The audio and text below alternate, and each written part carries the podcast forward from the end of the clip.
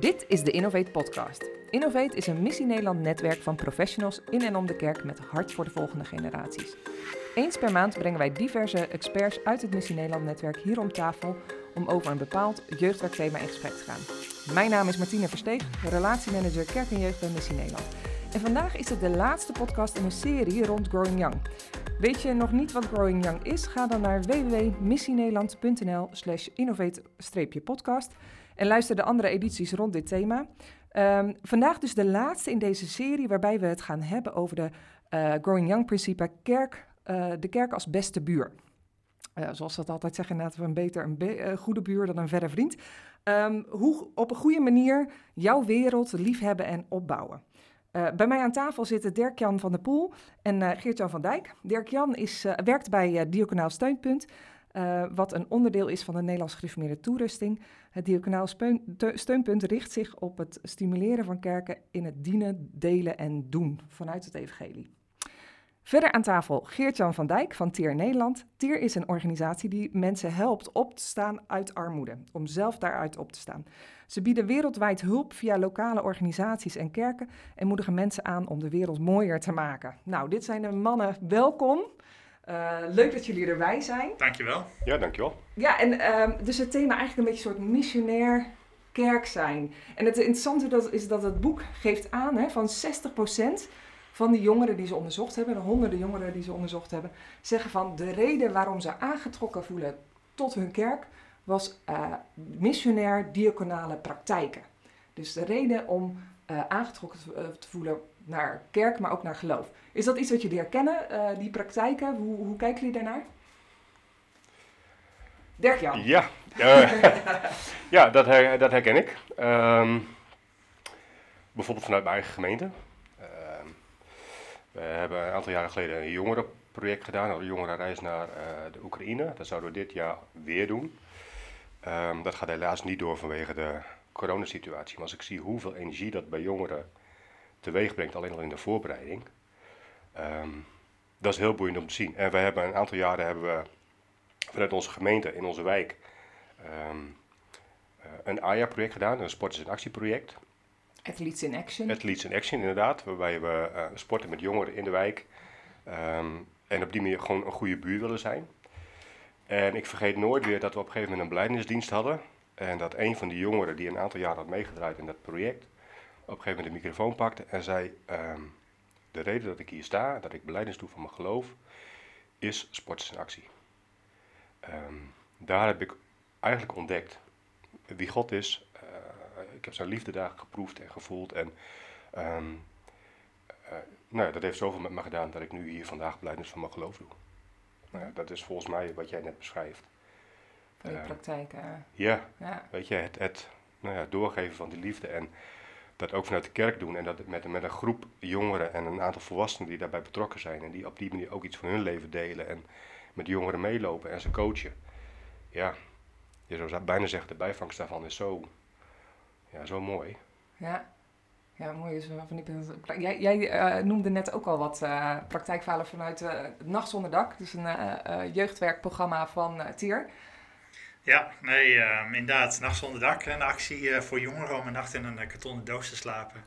om geld op te halen voor straatjongeren. En echt een hele leuke actie. Um, ja, waar, waarbij jongeren dat gaan zelf ervaren. Maar het moet ook georganiseerd worden. En um, ik vond het bijzonder om te zien in de tijd dat ik Nacht zonder Dak uh, coördinator was. Uh, we hadden ongeveer 100 Nacht zonder Dakken per jaar. En tien daarvan um, werden echt ook georganiseerd door 15-jarigen, door de tieners zelf. En dat waren, echt, dat waren wel hele bijzondere acties. Dus uh, je moet je voorstellen, je kunt je aanmelden voor Nacht zonder Dak en dan krijg je een doos thuis. En dan bellen wij daar achteraan. dus dat deed ik ook. En had je opeens een 15-jarige aan de lijn. Die helemaal enthousiast was en die docent uitpakken was en ontdekte van, oh, zo gaan we dat organiseren. Um, en dat zorgde ook gewoon voor heel veel creativiteit. Ja. Uh, dus die, die jongere groep uh, ging zelf aan de slag, bedachten allerlei acties omheen uh, om het nog groter te maken. en ik merkte gewoon elke keer als ik met hun belde, gewoon hoeveel energie er in, in zo'n jeugdgroep loskwam. Ja. En wat ik ook wel leuk vond om te merken, dat zo'n jeugdleider was eigenlijk ook heel blij mee. Ja. Want gewoon al het werk werd hem of haar gewoon uit handen genomen. Ja. En dus, uh, is, nog, nog een reden. nog een reden. Ja. De jongeren gingen gewoon zelf aan de slag. Hè? Dus, um, dus ja. Uh, ja. ik vond het wel een mooi voorbeeld om te zien dat je soms denkt van, uh, nou, moeten we dat allemaal organiseren? Nee, ik bedoel, jongeren ja. kunnen dat gewoon prima, hebben echt super veel ideeën, creativiteit. En, nou, en dat is ook wel grappig, hè? want de, de serie gaat over Growing Young en een van die principes uit Growing Young is dat leiderschap doorgeven. Dus eigenlijk wat, je, wat, ik, wat ik jou ook hoor zeggen. En, en dat merk je ook in die zin dat al die principes hebben met elkaar ook wat te maken. Uh, En, en, en hè, dus nu ook rond, deze, uh, rond dit principe van beste buur of, of missionair kerk zijn, zie je dus ook dat dat daar, hè, jij, jij noemt daar eigenlijk bijna in van hey, dit is eigenlijk waarin ook de andere principes bijna naar voren lijken te komen. Of in ieder geval deze, begrijp ik met wat je zegt. Nee, absoluut. Dus ja, um, ja uh, goed doen voor uh, de ander. Uh, hè, dat, dat, herstel van God, de grote woorden laten zien in de wereld, dichtbij en ver ja. weg. Nou, dat kan een kerk natuurlijk op allerlei manieren doen. Maar als je dat weet te combineren, zeg maar, door jongeren erbij te betrekken, niet alleen als deelnemer, maar eigenlijk ook als organisator. Eigenlijk biedt, biedt dat een kerk volgens mij heel veel kansen juist. Hè? Want dat hele idee zeg maar, van jongeren verantwoordelijkheid geven, dat brengt misschien ook wel de vraag mee van ja, maar oké, okay, maar hoe gaan we dat dan doen? Ja. En wat voor verantwoordelijkheid ga je een jongere dan geven? Dus je moet ook wel zeg maar, die kansen volgens mij binnen een kerk creëren. Om jongeren verantwoordelijkheid te geven. En ja, dit soort dingen biedt dat wel. Kijk, iets anders wat we bijvoorbeeld als TER doen, is, dat noemen we deelgemeente. Dat zeg maar dat je kerken verbindt, een kerk hier verbindt zich met een kerk elders op de wereld. En dat kun je ook op allerlei manieren invullen. Hè? Dus, je, dus die kerken gaan bij elkaar op bezoek. Hè? Dus de kerk van daar komt hier op bezoek en andersom. En dat is heel leerzaam, omdat je elkaars cultuur leert kennen. En daarin merk ik ook dat kerken dat ook, ook op verschillende manieren organiseren. Wat ik bijvoorbeeld heel leuk vond van een, uh, van een kerk in Nieuw-Leuzen, die verbonden was aan een, uh, is nog steeds aan een kerk in Oeganda. Um, waarbij ik bij andere kerken zag dat vaak de volwassenen op reis gingen, hadden zij besloten om de jongeren op reis te laten gaan. Ja, ja. Dus, uh, en, en hadden ze dat gecombineerd met de jongeren daar in Oeganda. Hadden ze zeg maar een uitwisseling tussen jongeren. Ja. Ja, dat was wel echt, dat is wel te gek. En het ja. levert allerlei ingewikkeldheden mee. He, want met jongeren op reis is het toch net iets anders zeg maar, als met volwassenen op reis. Maar je merkte wel dat gewoon, die, ja, die, die jongeren vergeten dat niet meer. en nee. trouwens de jongeren daar ook niet. Nee. want die hebben gewoon de hele week samen opgetrokken, bij elkaar gelogeerd, uh, ja. gewoon een wereld uitgewisseld. Dus je, dus zeg maar, je hebt eigenlijk gewoon heel veel dingen waar je de keuze hebt van betrek je jongeren erbij of niet. Ja, ja. Nou, en, en, wat dat betreft vind ik het ook wel een hele interessante uh, principe waar we het uh, vandaag over hebben. Degene die de podcast van afgelopen keer geluisterd hebben rond de kernwaarden van jong, in alles jongeren prioriteren. Want dat is eigenlijk ook wat ik hierin hoor. Het, het grappige is, is dat we zeiden van hé, hey, daar wordt op een gegeven moment genoemd dat dat een scharnierpunt is ehm, met alle andere uh, principes die daarvoor komen. Hè? Dus we hebben het gehad over een warme gemeenschap zijn, over jongeren, empathie hebben voor jongeren, uh, Jezus verhaal serieus nemen, um, leiderschap doorgeven. Dat dat allemaal principes zijn, maar er komt een scharnierpunt bij het prioriteren van jongeren, maar ook dus dat, dat stukje van jongeren en als gemeenschap naar buiten. Ehm, van betekenis of, of het, het, het liefhebben en het opbouwen van, van de wereld.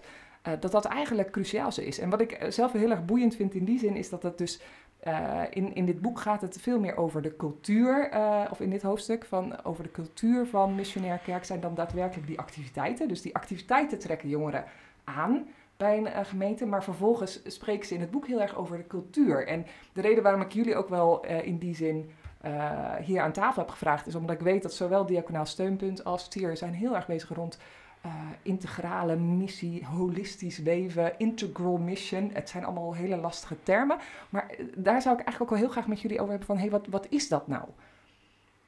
Ik, ik, ik, kijk eerst maar even Geert-Jan even aan. Kijk ik ook Geert-Jan aan. kijk, uh, nou, um, nou, dan doe ik een kick-off. Um, kijk, uiteindelijk is dat zeg maar van hoe breng je ja, alle werelden... Um, die God, de perspectieven die God geeft, die je in de Bijbel leest, hoe breng je dat bij elkaar?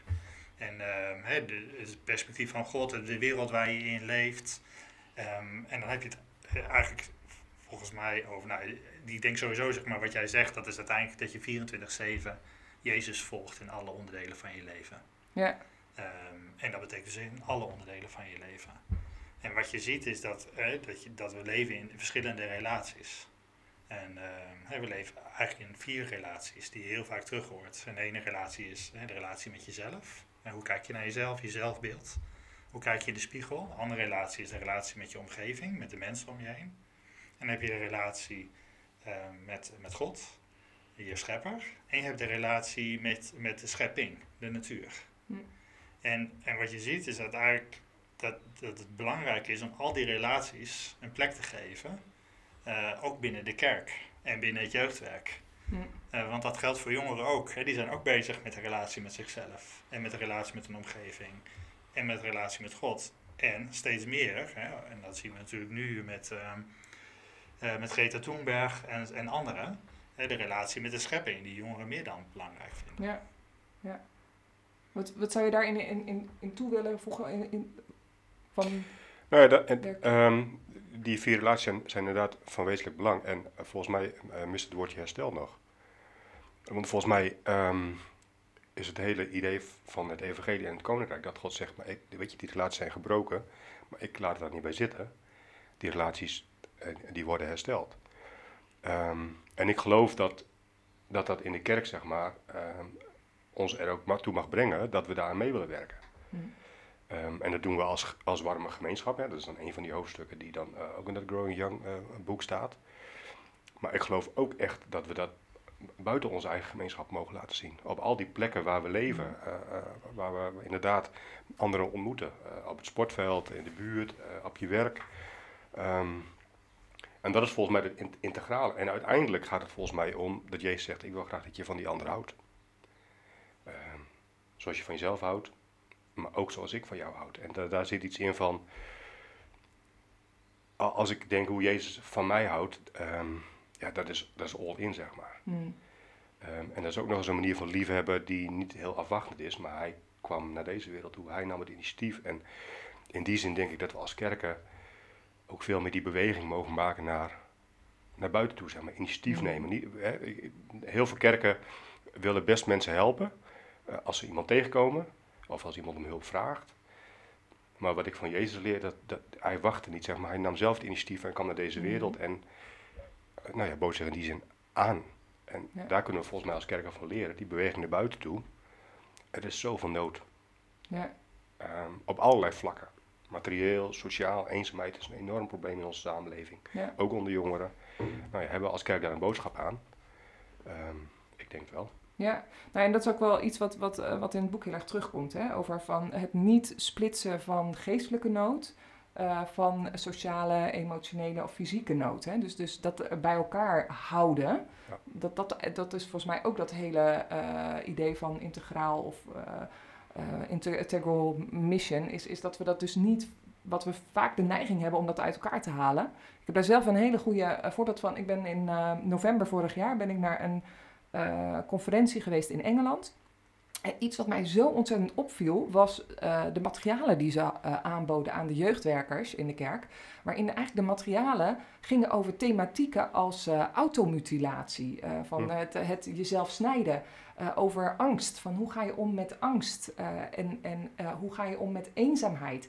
En dat ik echt dacht van, hé, hey, maar dit zijn thema's die ik in het jeugdwerk hier in Nederland vaak niet tegenkom. Omdat we veel meer bezig zijn rond thematieken als, uh, nou ja, eigenlijk meer over kennisoverdracht en, en uh, hoe, hoe kan ik geestelijk groeien. Terwijl wat ik heel interessant vind is, als, ik, als we dit soort thema's gaan nemen, die dus eigenlijk raken aan sociaal of emotioneel of fysieke nood, um, en daarin een, een geestelijke perspectief daarop geven, uh, dat we daarin ook automatisch zullen we uh, als kerk meer naar buiten gericht zijn. Als in, ik bedoel zeg maar, als wij namelijk in de kerk uh, jeugdleiders, maar ook jeugd helpen met, hé, hey, maar hoe, hoe, kijken we naar automutilatie, naar jezelf snijden? Um, geheid dat er iemand in je jeugdgroep ermee te maken heeft, zelf ermee worstelt. Ja. En als dat niet zo is, geheid dat hij iemand kent ja. die ermee worstelt. En als we hen nou helpen om daar grip op te hebben, dan zijn we daadwerkelijk ook goed nieuws voor, uh, voor onze, uh, de mensen om ons heen en de buurt om ons heen die, die hiermee worstelen. Dus ja. Ja, en in die zin moeten we denken als kerk onze ogen ook niet sluiten van wat, hè, wat er in de samenleving gebeurt, dat gebeurt ook in de kerk. Ja. Ehm, en dat betekent dat je daar volgens mij eh, iets mee moet. Daar moet je iets over zeggen, daar moet je iets over aanbieden. Daar moet je met jongeren meelopen. Eh, En jongeren hebben dat heel goed in de gaten. Ja. Als het niet gebeurt ook. Ja, Ja, dan mag, ook, het, eh, dan mag het er blijkbaar niet zijn. Of, Ja. Ja. ja. Dat is bijvoorbeeld inderdaad hè, de- de- de- het interessante dat, eh, dat eh, in het hoofdstuk gaat ook heel erg rond die cultuur. eh, in de zin van hoe kijk je naar de wereld? Wat is je perspectief op de wereld? Ehm, eh, er staat ook op een gegeven moment ergens van, joh, in dat onderzoek, jongeren zijn eigenlijk een beetje klaar met kerken die alleen maar opnoemen waar ze tegen zijn. Ehm, hè, van eh, dit, eh, dit mag niet, dat mag niet. eh, maar willen vooral in die zin dat daar een, een, een, eh, een dialoog in die zin. Hè? Dus wat, wat is daarin je beeld ook naar je omgeving? ja, en waar zijn we nou voor dan? Ja, Ja, voor dat herstel. Hè? Ja, want het is heel makkelijk om tegen Ja. dingen te zijn. Maar, maar, maar inderdaad, draai het positief om.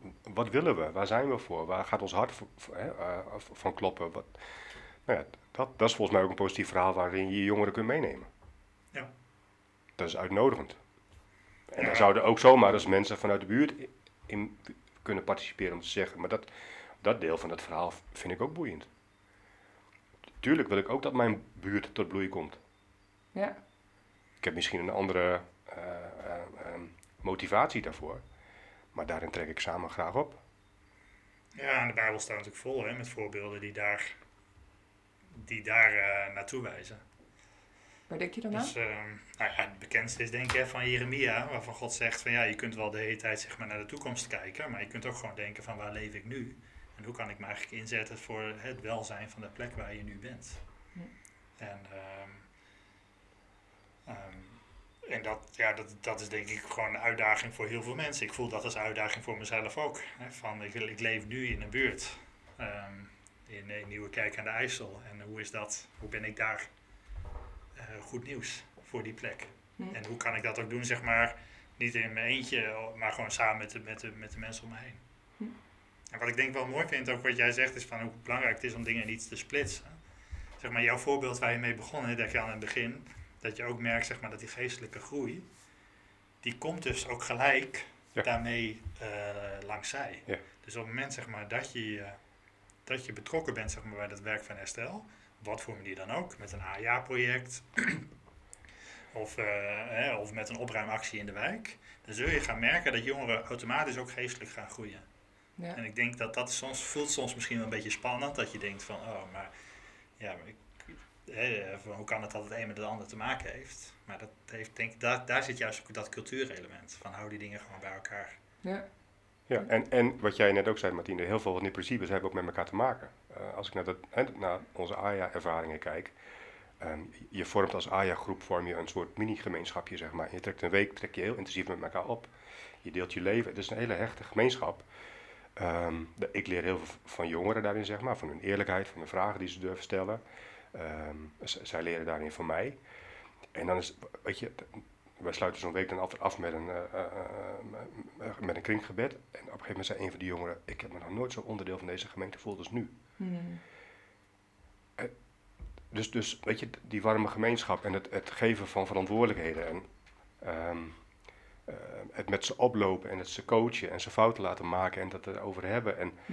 eh, naar buiten toe go- goede buren zijn voor de buurt. Het, het grijpt zo op elkaar in. Ja. Ehm, Ja, en dat vind ik zo het interessante van hoe kun je dus de, want de, eh, de, de, de, de kernwaarden waar we vorige keer over hadden, over dat prioriteren, in alles jongeren prioriteren en dan ook in alles eh, eigenlijk een, een missionaire cultuur eh, creëren in je gemeente. En dat, dat eigenlijk die andere principes daarin een soort van invulling aan geven van, en, om, om dat, dat voor elkaar te krijgen. Ja, en ik, jij was net vertel, aan het vertellen over Jeremia. En ik vind dat altijd een ingewikkelde tekst ook. Hè? Als, als God dan zegt, bid voor de bloei van de stad. Ehm, en want, de bloei van de stad zal ook je eigen bloei zijn. En ik zat net te denken, hè, maar het is wel zo. Hm. Eh, ik, ik heb dus gezien, zeg maar, bij onze AJA-ervaring, dat hè, het tot bloei willen zijn voor de buurt, dat maakt je eigen gemeente ook mooier. Hm.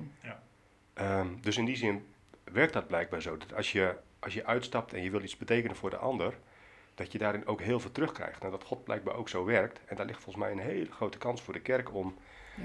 ehm, niet met dat doel, maar gewoon vanuit liefde iets te willen betekenen voor die ander. Maar blijkbaar werkt het in het Koninkrijk van God zo dat als je dat doet, dat je dan ook heel veel daarvoor terugkrijgt. Ja. Nou, wat ik mooi vind is dat op het moment zeg maar, dat je dit soort dingen gaat doen, hè, bijvoorbeeld een AJA-project, of je gaat op reis naar Oeganda of een nachtzondag, Wat dan ook. wat je Ja. eigenlijk creëert is een plek van samen.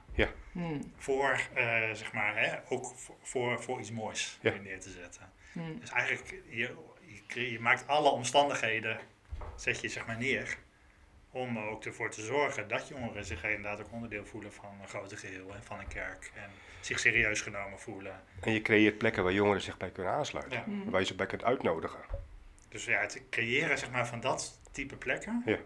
En, dat, en sommige kerken hebben daar misschien nog relatief weinig plekken, dus dan moet je eigenlijk nieuwe plekken creëren. Hmm. En andere kerken hebben misschien al best wel veel plekken, maar zitten gewoon nog heel erg vast, zeg maar, om dat vooral met volwassenen te doen. Ja, nou ja, en dat, dat, dat merk ik bijvoorbeeld als het gaat over, eh, ik de- eh, neem even diaconaat, eh, missionaire diaconaat. Dat is vaak ook iets wat binnen kerken heel erg onder de grond is. Ik, bedoel, ik weet dat er in kerken ontzettend veel gedaan wordt, Ja. maar het is ergens ook een soort van, ja, we willen het ook niet te veel delen, want het is ook niet op, op borstklopperij oh, van, eh hey, zie ons dat wat doen. En tegelijk dan denk ik, ja, er zitten ook echt wel, ehm, jongeren moeten wel zien wat voor impact geloof heeft op de wereld. En dat, dat stukje ook de, de, de relevantie daarvan. En dus soms vind ik het ook bijna jammer dat er in kerken niet zoveel zichtbaar is, zeg maar, van Ik wat ook. er eigenlijk... Ja. Ja, want Ja. jij herkent dat wel eh, Ja. vanuit jouw... eh, Ja, ik denk dat je als, als, als het dan even gaat over, over diaconieën, ehm, je hebt een heel sterk verhaal. ja. Maar dat moet je wel delen. En dan moet je jongeren bij uitnodigen, dan moet je gemeenteleden bij uitnodigen. Weet je, dat heeft zo te maken met, met het hart van kerk zijn en met het evangelie. En nog te vaak zit het, wat mij betreft, aan de rand van ons kerk zijn. eh, ehm, in, inderdaad een beetje in het verborgene. Hm. En het gaat niet om borstklopperij, eh, maar het gaat over kerk zijn. Mm, En dat is er gewoon vol onderdeel van. ja. Ja. En ehm, nou ja, dat meer ook een plek geven in, in, in diensten. Dat, dat Mm. jongeren ook in een dienst zien. Oh, maar dit hoort, weet je, dit hoort er gewoon bij. In, in het onderzoek st- staat ook, ehm, eh, hè, als iets niet benoemd wordt, eh, en dat gaat over iets anders, maar ja, dan, dan spreekt die stilte, spreekt boekdelen. Mm, Nou ja, als ons diaconale hart, zeg maar, ook in zo'n dienst niet een plek heeft en niet benoemd wordt, dan spreekt dat voor mij ook ja. boekdelen. Ja. Dan ja, is het blijkbaar niet heel relevant. Ja, of mensen verbinden dat niet altijd. Hè? Want ik, we hebben als TRM ook het programma Umoja voor kerken, een veranderingsproces voor kerken.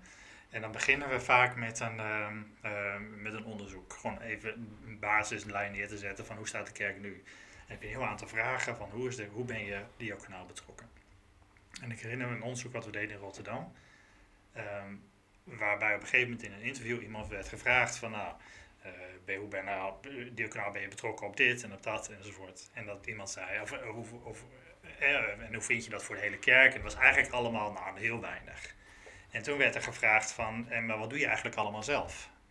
En het bleek dat die persoon heel actief was, Ja. persoonlijk. Ja. Maar niet de verbinding maakte, eigenlijk Mm. ook met, met wat heeft dat te maken zeg maar, met die diaconale presentie van de kerk. Nee, En dat Ja. ik dacht van, wow, wat gebeurt er eigenlijk veel op individueel vlak? helder. Ja. Hè, hoeveel mensen zijn niet mantelzorger of doen iets voor de buren, buurvrouw. Eh, of, of passen een keer op of zijn met je kinderen in de buurt bezig.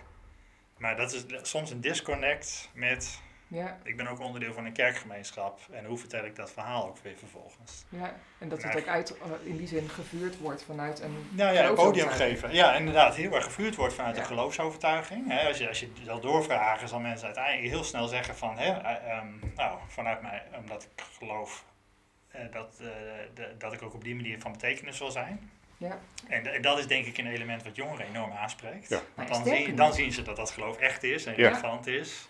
Dus het is wel heel belangrijk om dat te delen. Ja, die, hoe die verhalen. Hè? En Ja. dat je ook merkte bij die persoon in kwestie, eh, echt het ongemak om, eh, om dat verhaal te vertellen.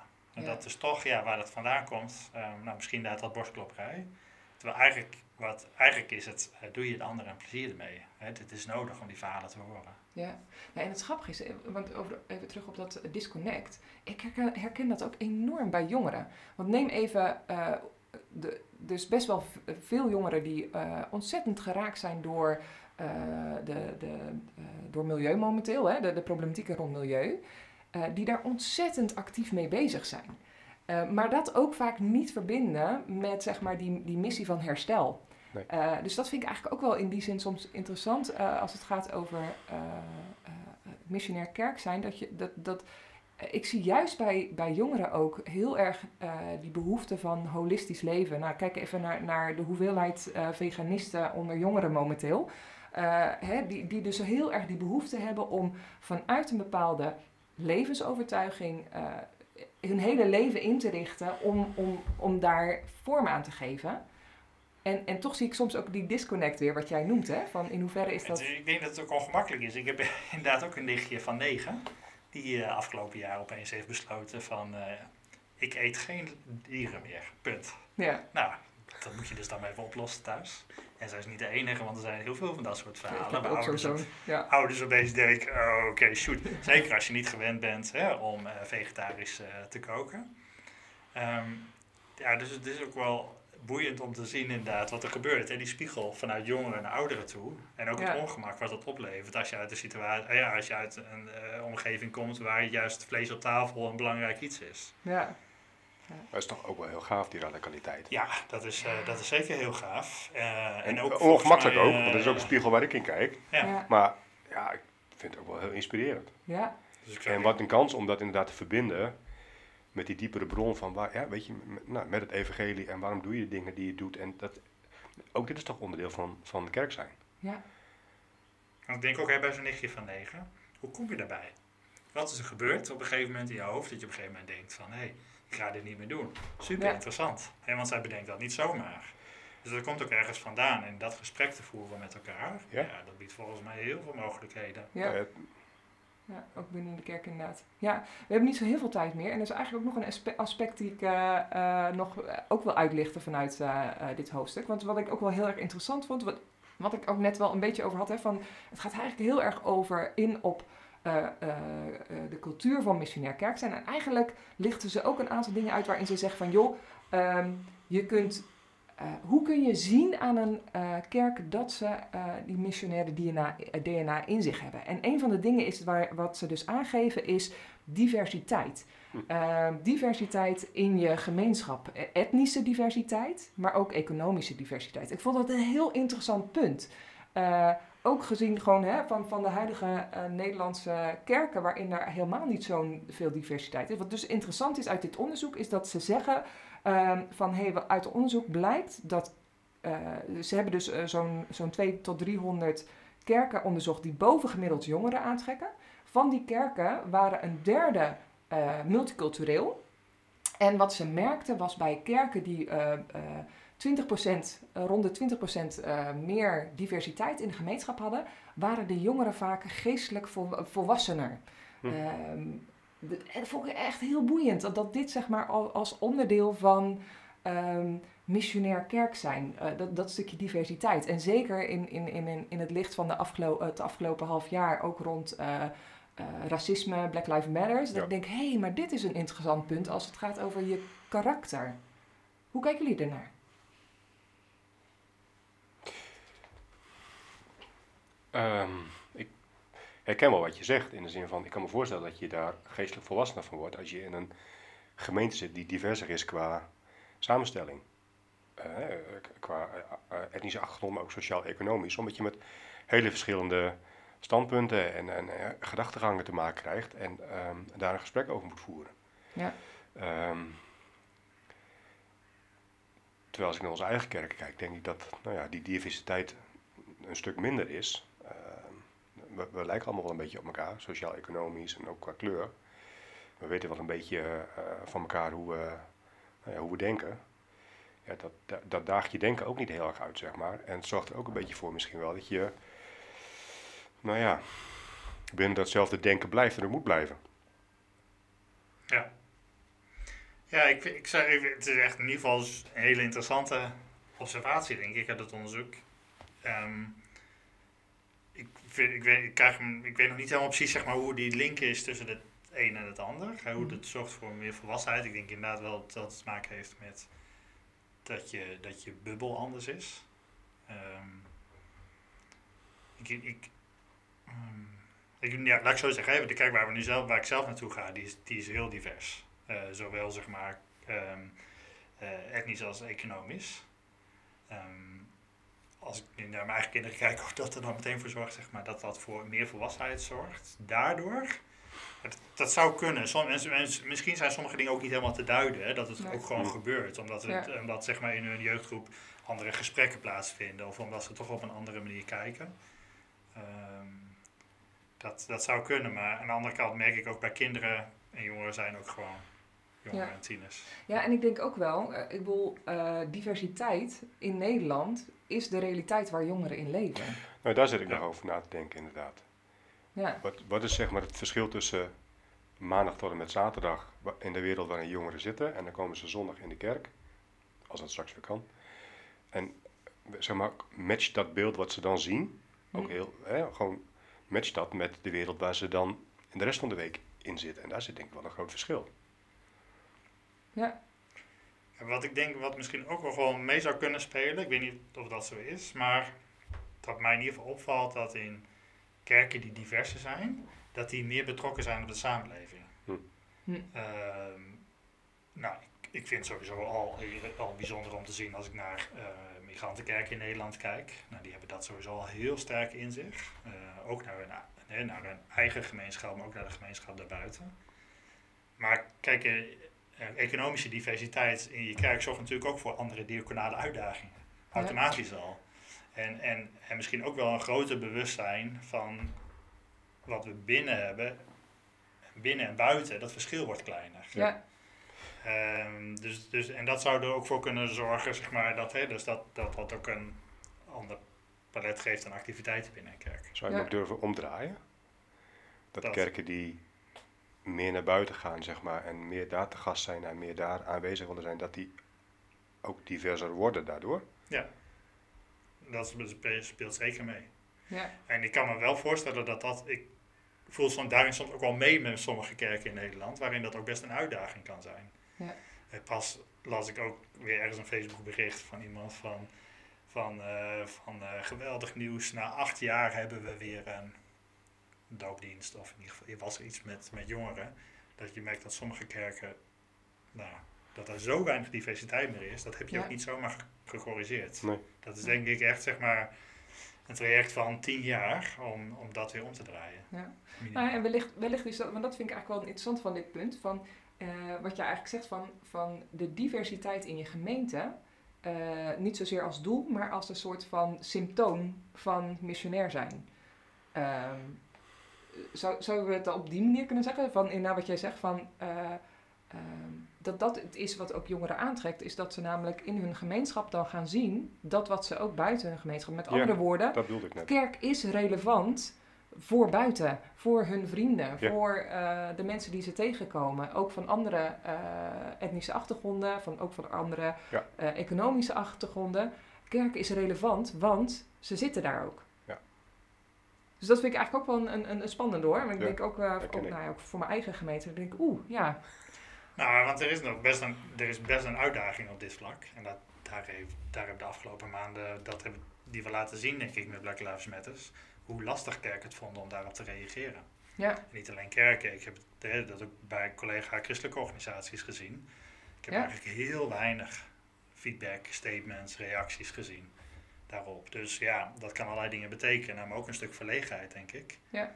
Ehm, en je hebt ook nog wel iets van diversiteit en representatie. Dus je kunt als kerk wel divers zijn, maar zorg dat ook voor zeg maar, dat je ook diversiteit in leiderschap hebt. Hmm. Hè, dus, dus waar zit de diversiteit? Zit de diversiteit ook op het podium bijvoorbeeld? Ja. Ik weet bijvoorbeeld van onze gemeente, toen wij daar net kwamen, dat ik dacht, oké, de gemeente is heel divers, maar het podium helemaal niet. ja. Dus, dat, dus, dus dat zegt ook iets.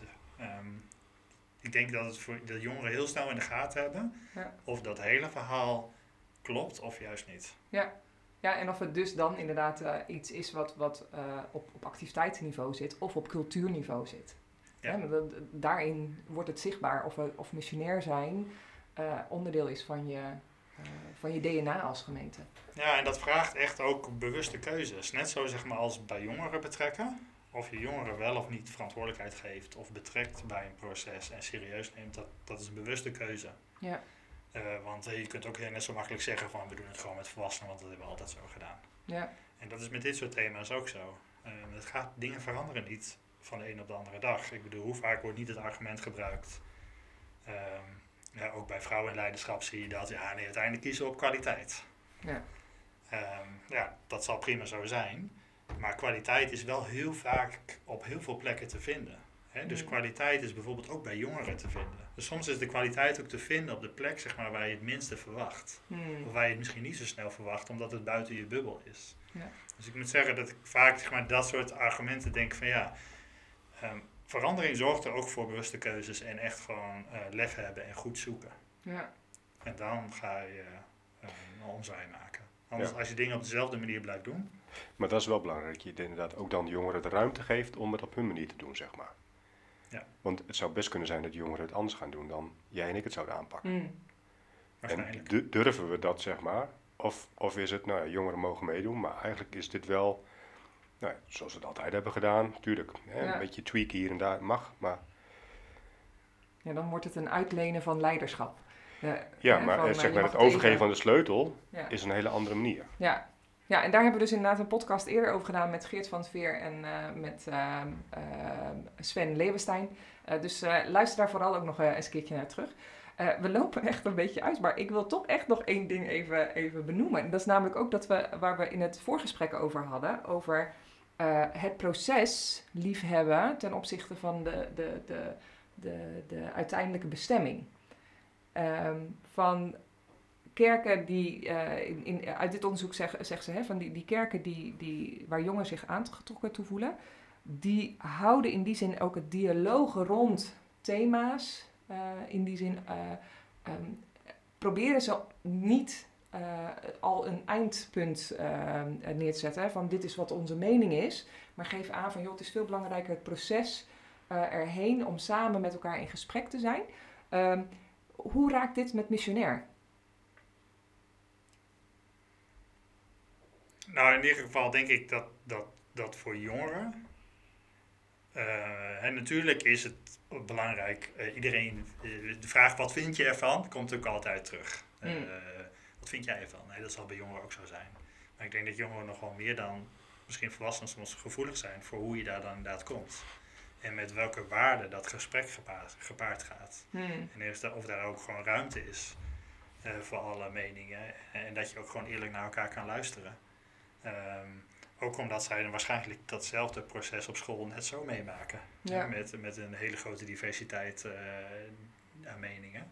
Waarbij natuurlijk hè, bijvoorbeeld scholen uh, ook echt, uh, echt uitgedaagd worden om heel veel bespreekbaar te maken. Hm. Ehm, ik bedoel, ook, ook christelijke scholen moeten een onderwerp als LHBT bespreekbaar maken. Hoe ze dat doen, maar het moet in ieder geval bespreekbaar worden gemaakt. Dus um, ja, ik denk dat, dat, dat het mooi zou zijn als kerken zeg maar, op diezelfde golf meegaan. En onderwerpen niet uit de weg gaan. Ik, bedoel, ik bedoel, voor jongeren is het geen rare wereld, want die, die, die doen dat toch al. Ja. Want die, die komen daar overal mee in aanraking. En die merken ook bij de kerk als het niet, als het niet gebeurt. Ja. En, uh, ja, en ook, ook dit vraagt denk ik waarschijnlijk ook wel weer wat uitdaging. Want als je gewend bent om meteen je mening te geven, ja, dan wordt zo'n gesprek wel echt ingewikkeld. Ja, ja. Dus in die zin de, de dialoog. Uh, Goed luisteren. Ja. Ja.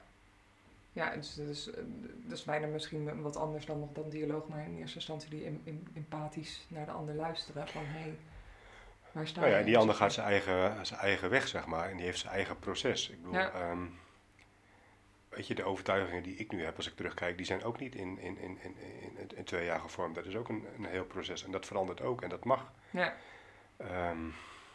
Maar in die zin gaat het dan dus ook weer van, in hoeverre is dat een cultuur binnen je gemeente dat we over thema's durven te spreken? We hebben al een aantal thema's nu ook vandaag genoemd die heel duidelijk te maken ook hebben rond herstel. Uh, hè, uh, in, in de wereld, rond uh, racisme, nou, noemde leiderschap, vrouwen, vrouwen in, het, in leiderschap. Um, zorg voor de schepping. Zorg voor de schepping. Hè, dus de omzien naar de naaste, ja. ver weg, dichtbij. Ja in hoeverre is, is, is dat ook binnen onze gemeenschap thema's waarin we met elkaar in dialoog zijn? Uh, uh, geeft meteen ook zijn weerslag in hoe wij dat, uh, die dialoog hebben met naar buiten toe.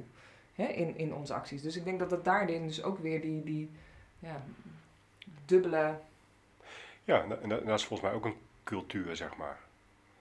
Ehm, en ik kan me bijvoorbeeld voorstellen dat hè, wat, wat er op zo'n zondag in zo'n dienst gebeurt en de toon die daarbij klinkt en hoe mensen worden, hoe er over mensen wordt gesproken, Ja, dat dat heel bepalend is, ook voor jongeren. ja, Ehm, neem ik wel eens iemand mee naar de kerk of niet? ja, En dat stond, stond ook in het onderzoek, dat, dat bijvoorbeeld de rol van een predikant daarin en hoe die over mensen spreekt en welke woorden hij daarvoor kiest en hoe gevoelig hij daarvoor is, is wel heel bepalend. ja. En ook misschien wel de stelligheid waarin je Ja. Eh, sommige standpunten Ja, inneemt. ja. Ehm, En daarin hebben we denk ik als kerken wel een bepaald verleden. Ehm, nou ja, daar ook over, eerlijk over zijn, ja, is denk ik ook belangrijk. Ja, en dat komt soms ook dichtbij. Hè? We hadden het eerder ook over hadden. Dat als je heel normatief bent opgegroeid, dan heb je die vuur ook niet zomaar afgeschud. Hè? Dus dat het ook heel confronterend voor jezelf kan zijn. Merk ik zelf soms ook hoe veroordelend je bent. En dat vraagt ook gewoon een innerlijke weg om te bedenken van, oh wacht even, ik moet eigenlijk die veroordelende houding ook gewoon afleggen. ja. En dat, dat zou wel eens heel behulpzaam kunnen zijn. In jongeren beter nog bij je kerk betrekken. Ja. hey, goed, we gaan, we gaan afronden. Hebben jullie nog iets waarvan jullie zeggen, ja, maar dit moeten, moeten we nog wel ook even genoemd hebben? Nou, wat ik zelf in ieder geval wel leuk vind om, eh, om te benoemen is, uh, jij noemde eerder zeg maar eh, in Engeland, hè, in de conferentie, dat je materiaal tegenkwam. Waarvan Ja. je dacht van, hé, hey, dat zou voor Nederland eigenlijk ook heel goed zijn. En ik, ik hoop echt dat er gewoon meer materiaal beschikbaar komt. Ja, Eh, maar wat wel echt mooi materiaal is, wat er is, wat ook gebruikt kan worden, en dat is de MIGA-cursus. ja, Eh, wat natuurlijk eigenlijk ook bedoeld is hè, om binnen kerken dat gesprek met elkaar te voeren en goed naar elkaar te luisteren. Ook, ook onderwerpen die voor volwassenen ook best spannend zijn. Maar tegelijkertijd met de microcursus is er ook Miga Jong. ja, En we bieden uh, hè, microcursus en Miga Jong worden tegelijkertijd aangeboden. En dat kan ook een mooie manier zijn om die microcursus niet alleen te doen met de volwassenen, Hmm. maar juist de jongeren erbij te betrekken. Want eh, al die onderwerpen, dat zijn precies de onderwerpen die jongeren echt eh, heel belangrijk vinden. ja. Want eh rechtgerechtigheid, milieu. Precies. Ja. Ja. En dat materiaal dat is er. ehm, of voor Ja. maat, op maat of voor jongeren. Dus dat. Ja, en ik weet dat eh, bij Diaconaal, want ik moest daar net ook wel heel even aan denken aan het materiaal van Diaconaal Steunpunt rond eh 20 eh, voorbeelden van, dat was naar aanleiding van jullie 20 jaar bestaan, weet ik Ja. nog. En wat ik namelijk, een van die voorbeelden... ja, een heel ik- mooi boekje was dat. Dat is echt een mooi boekje met hele concrete voorbeelden van hoe je in gemeente diaconaat eh, vorm kan geven, maar ook het zichtbaar maken van diaconaat in de gemeente. Ik weet nog wel dat ze een van de voorbeelden schaal van overvloed. Ja. Kun je die even noemen? Oh ja, eh, de schaal van overvloed. eh, een schaal met geld eh, in de hal van de kerk. Waar eh, door de diaconie en door de gemeente wordt voor gezorgd dat er een bepaald bedrag in zit. En als je als gemeentelid denkt, ik, eh, eh, nou, ik ben iemand tegengekomen afgelopen week eh, in mijn wijk en die heeft eigenlijk een nieuwe fiets nodig, maar die heeft er geen geld voor. Dan kan je uit de schaal van overvloed kan je dat geld pakken voor die fiets. En daar eh, schrijf je op een briefje waar je het geld voor hebt genomen.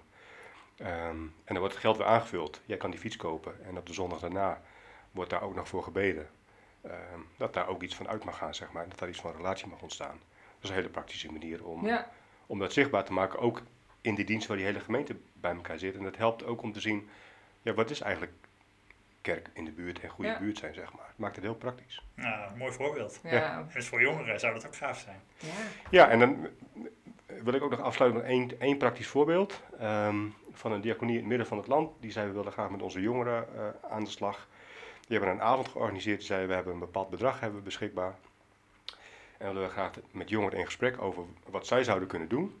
Dus zij mogen zelf met plannen komen. Dus die hebben in groepjes zijn die uiteen gegaan. Hebben een brainstorm gedaan, hebben een idee gepitcht. En uiteindelijk kregen het beste idee, kregen een bedrag om dat ook te realiseren. Nou, Ah, dat is een, een manier om nou, jongeren mee te nemen en ze ook te stimuleren. Eh, en ze ook de sleutels te geven om uiteindelijk ook echt aan de slag te gaan. Ja. Mooi. Mooi. Super jongens. Nou, ehm, dit was het alweer voor de Innovate podcast. Ik, eh, eh, ja, ontzettend bedankt voor eh, jullie komst, Geert-Jan en Dirk-Jan. Leuk om te Ehm, zijn. Nou, wil je nou naar aanleiding van eh, deze podcast eh, aan de slag gaan eh, rond deze principe? Bij de podcast staat op onze site diverse tips verzameld om stappen te zetten. En ik zal ook deze tips eh, die we hier hebben genoemd eh, daarin eh, benoemen. En dan, eh, nou wat ook even goed is en waardevol is om te weten, is dat we vanuit Missie Nederland uh, gaan starten met een beweegde kerktraject Growing Young. Dit is voor gemeentes die uh, rond die principes van Growing, zeggen van, Growing Young zeggen van, hey, dit willen we implementeren in de gemeente. Um, en wat wij eigenlijk willen gaan doen is uh, kerken met diezelfde verlangen bij elkaar brengen, zodat we van elkaar kunnen leren. En daarbij wordt er ook input ge gegeven vanuit experts uit het Missie Nederland netwerk, uh, om zo te kijken van hoe kunnen we dat implementeren nou doen, hoe doe je dat? Nou, dat uh, is wellicht voor jou interessant. Kijk dan even op onze website. Hij zal ook wel staan bij het overzicht waar we het vandaag over hebben gehad bij deze podcast. En ehm, nou ja, ik leuk dat je weer even geluisterd hebt. En uh, ik zou zeggen, tot de volgende podcast.